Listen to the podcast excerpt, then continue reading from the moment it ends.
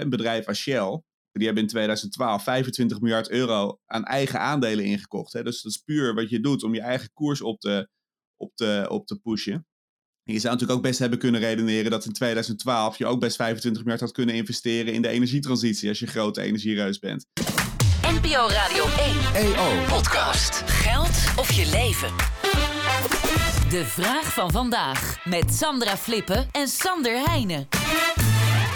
En mijn naam is eh, Hans van der Stegen. De vraag van vandaag komt van luisteraar Peter van Els. Uh, Peter vraagt zich het volgende af. Zou het in tijden van hoge onzekerheid en maatschappelijke onrust niet wenselijk zijn dat multinationals wat minder winst maken en meer maatschappelijke betrokkenheid tonen? Zo, nou, uh, om maar een vraag bij de kladden te nemen. Sandra, waar gaan we beginnen bij dit verhaal? Ja, ik vind het een hele leuke vraag. om te beginnen denk ik dat uh, ja, de, de vraag is, is het wenselijk? Nou, wenselijk is het inderdaad misschien wel, hè, want uh, uh, het, mensen hebben het moeilijk. Um, maar ik denk eerlijk gezegd dat als we dat met z'n allen willen, dat het um, handiger is dat we gewoon meer winstbelastingen heffen um, mm. bij dat bedrijfsleven. En daarmee allerlei maatschappelijke belangrijke dingen die wij uh, gedaan willen hebben, dat we die daarmee financieren. Of als we zeggen, nou, dat uh, is om wat voor reden ook niet uitvoerbaar. Dan is er ook nog een alternatief wat volgens mij goed kan werken. En dat is dat we onze pensioenbesturen eigenlijk vragen, of dwingen misschien wel, om niet alleen uh, winst te eisen van uh, hun beleggingen in die bedrijven, maar ook een maatschappelijk rendement te vragen.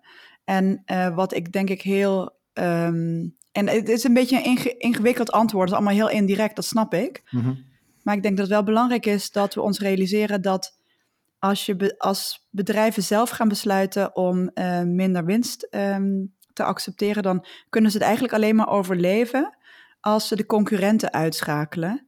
En um, ja, één machtige firma, zeg maar, die, uh, waarvan wij afhankelijk zijn, dat vind ik zelf nou echt een nachtmerriescenario. Oké. Okay. Um, Sander, een, een, een, een bedrijf, een multinationals, wat minder winst laten maken, dat voelt ook tegenstrijdig. Aan de andere kant is dit volgens mij een koffie naar jouw hand. Als ambassadeur van de scheefgroeien.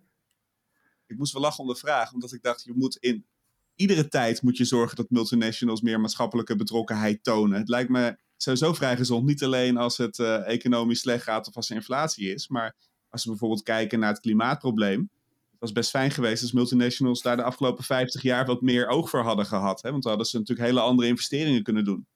En verder ben ik het met Sandra eens. Uh, die bedrijven die moeten gezond blijven. Mm -hmm. En uh, de winsten uh, zijn bij, bij, het grote bedrijfsleven zijn sinds de jaren 80 zo'n beetje verdrievoudigd, hè, gemiddeld. Ja, en de belastingafdrachten die zijn gedaald. Dus het is natuurlijk vrij logisch om daar te beginnen met een deel van die winsten weer te democratiseren. Simpelweg door daar belasting over te heffen.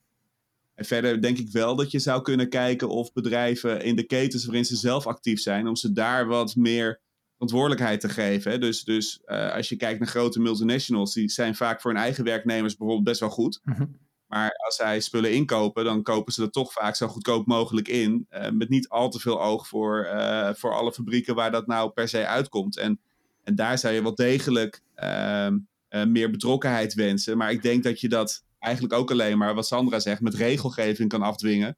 Zodat het voor alle bedrijven geldt en het speelveld gelijk blijft. Zodat die concurrentie wel uh, overeind blijft. Maar is het niet zo dat, dat de voordeeltjes wel een beetje ten einde zijn voor de grote bedrijven? Ik bedoel, de winstbelasting gaat al omhoog volgens mij. Uh, bedrijven die, bedrijven nou, die veel verdienen aan de energiecrisis krijgen te maken met die extra mijnbouwheffing. Uh, het is ook geen pretje om een groot bedrijf te zijn volgens mij momenteel.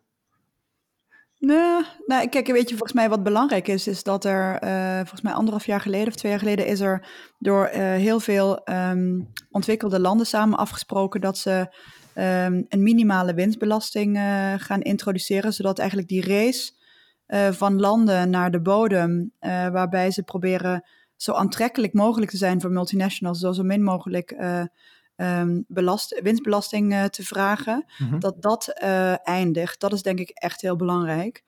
Um, maar ik, kijk, weet je, dus we, we, denken vaak direct aan die belastingen. En ik noem het ook zelf ook als eerste. Maar ik denk dat we ons ook moeten realiseren dat um, dat wel een langdurig traject is via die belastingen hoger. Dat is toch wel iets wat voor de mensen vaak voelt van ja, uh, moeten eerst verkiezingen en dan moet iedereen ervoor stemmen en dan moet de Belastingdienst nog eens capaciteit hebben. Nou, laat maar zitten. Ja, dat is, wordt een probleem, ja. Maar ja, wat, dus kan, wat zou wel sneller kunnen dan als nou ja, gaat om maatschappelijke Ik denk dus eerlijk gezegd dat, dat de weg via... Um, kijk, de eigenaren van een bedrijf dat winst maakt... Uh, de eigenaren die die winst opeisen, dat zijn de aandeelhouders. En als aandeelhouders zeggen van, hey, wij vinden het toch belangrijk dat het niet alleen maar winst is dat die bedrijven maken, maar wij accepteren lagere winst in ruil voor ook een stukje maatschappelijk rendement. Ja, dan kan zo'n aandeelhouder kan eigenlijk heel direct ingrijpen in een bedrijfsbeslissing. Hm. En het bedrijf heeft natuurlijk veel betere informatie in uh, welke productieprocessen uh, maatschappelijke schade opleveren. En die zou je dan gewoon niet eens kunnen opstarten. En de weg van de belasting is dat je dat allemaal gaat verbieden. En dan gaat bedrijven gaan misschien toch nog tegen de grens aan proberen uh, zich te gedragen van wat mag en wat niet mag. En terwijl als zo'n aandeelhouder er bovenop zit, ja, dan kan die eigenlijk direct in het bestuur, um, die zit heel dicht op het bestuur en die kan gewoon zeggen, nou, uh, wij vinden eigenlijk dat dit, dat dit maatschappelijk schade oplevert, dus we, we gaan er niet eens aan beginnen. En dat is eigenlijk veel directer. Want dat is natuurlijk wel de vraag, Sander. Wat, wat is dat dan, maatschappelijke betrokkenheid of maatschappelijk rendement? Wat, hoe, hoe zou ik dat kunnen zien? Nou ja, kijk, um, hoe zou je dat kunnen zien? Kijk, bedrijven zouden natuurlijk veel eerder veel grotere stappen hebben kunnen maken om, om te zorgen, bijvoorbeeld, hè, dat het klimaat en het milieuprobleem niet zo groot was geworden. Um, een bedrijf als Shell, toevallig laatste keer zitten opzoeken. Die hebben in 2012 25 miljard euro aan eigen aandelen ingekocht. Hè? Dus dat is puur wat je doet om je eigen koers op te, op te, op te pushen. je zou natuurlijk ook best hebben kunnen redeneren dat in 2012 je ook best 25 miljard had kunnen investeren in de energietransitie als je grote energiereus bent. Want het is natuurlijk een bedrijf dat heel vaak zegt, ja, eh, wij zijn nou helemaal goed in uh, olie en gas. Mhm.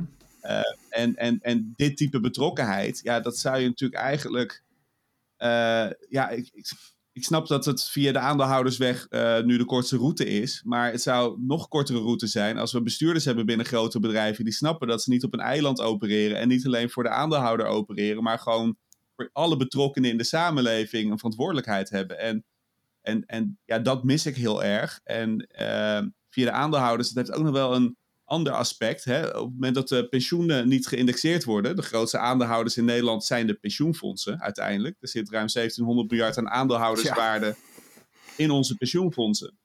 Nou, een groot pensioenfonds als ABP heeft nu gezegd: wij geloven niet meer dat die fossiele bedrijven echt willen veranderen, dus daar beleggen we niet meer in. En met andere bedrijven gaan we in gesprek om precies dit te doen wat Sandra bepleit: hè? van neem je maatschappelijke verantwoordelijkheid.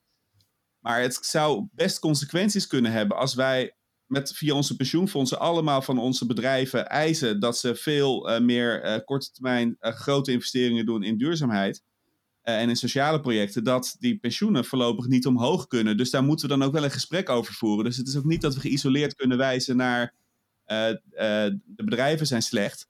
We moeten dan ook wel met elkaar daarover nadenken van welke prijs willen we daar als samenleving voor betalen. En ik denk dat het moet. Alleen wat ik mis is dat dat gesprek, dat wordt eigenlijk helemaal niet gevoerd in Nederland. En dan wordt het ook heel moeilijk om dit soort veranderingen in beweging te brengen via de aandeelhouder. Wat dat betreft heeft, uh, heeft, heeft Peter zijn vraag goed geformuleerd, want hij heeft dus de, de, de, het woord wenselijk erin gezet en daar kunnen we natuurlijk niet tegen zijn. Dus zou het in tijden van hoge onzekerheid en maatschappelijke onrust niet wenselijk zijn dat de multinationals wat minder winst maken en meer maatschappelijke betrokkenheid tonen, dan zeggen jullie eensgezind.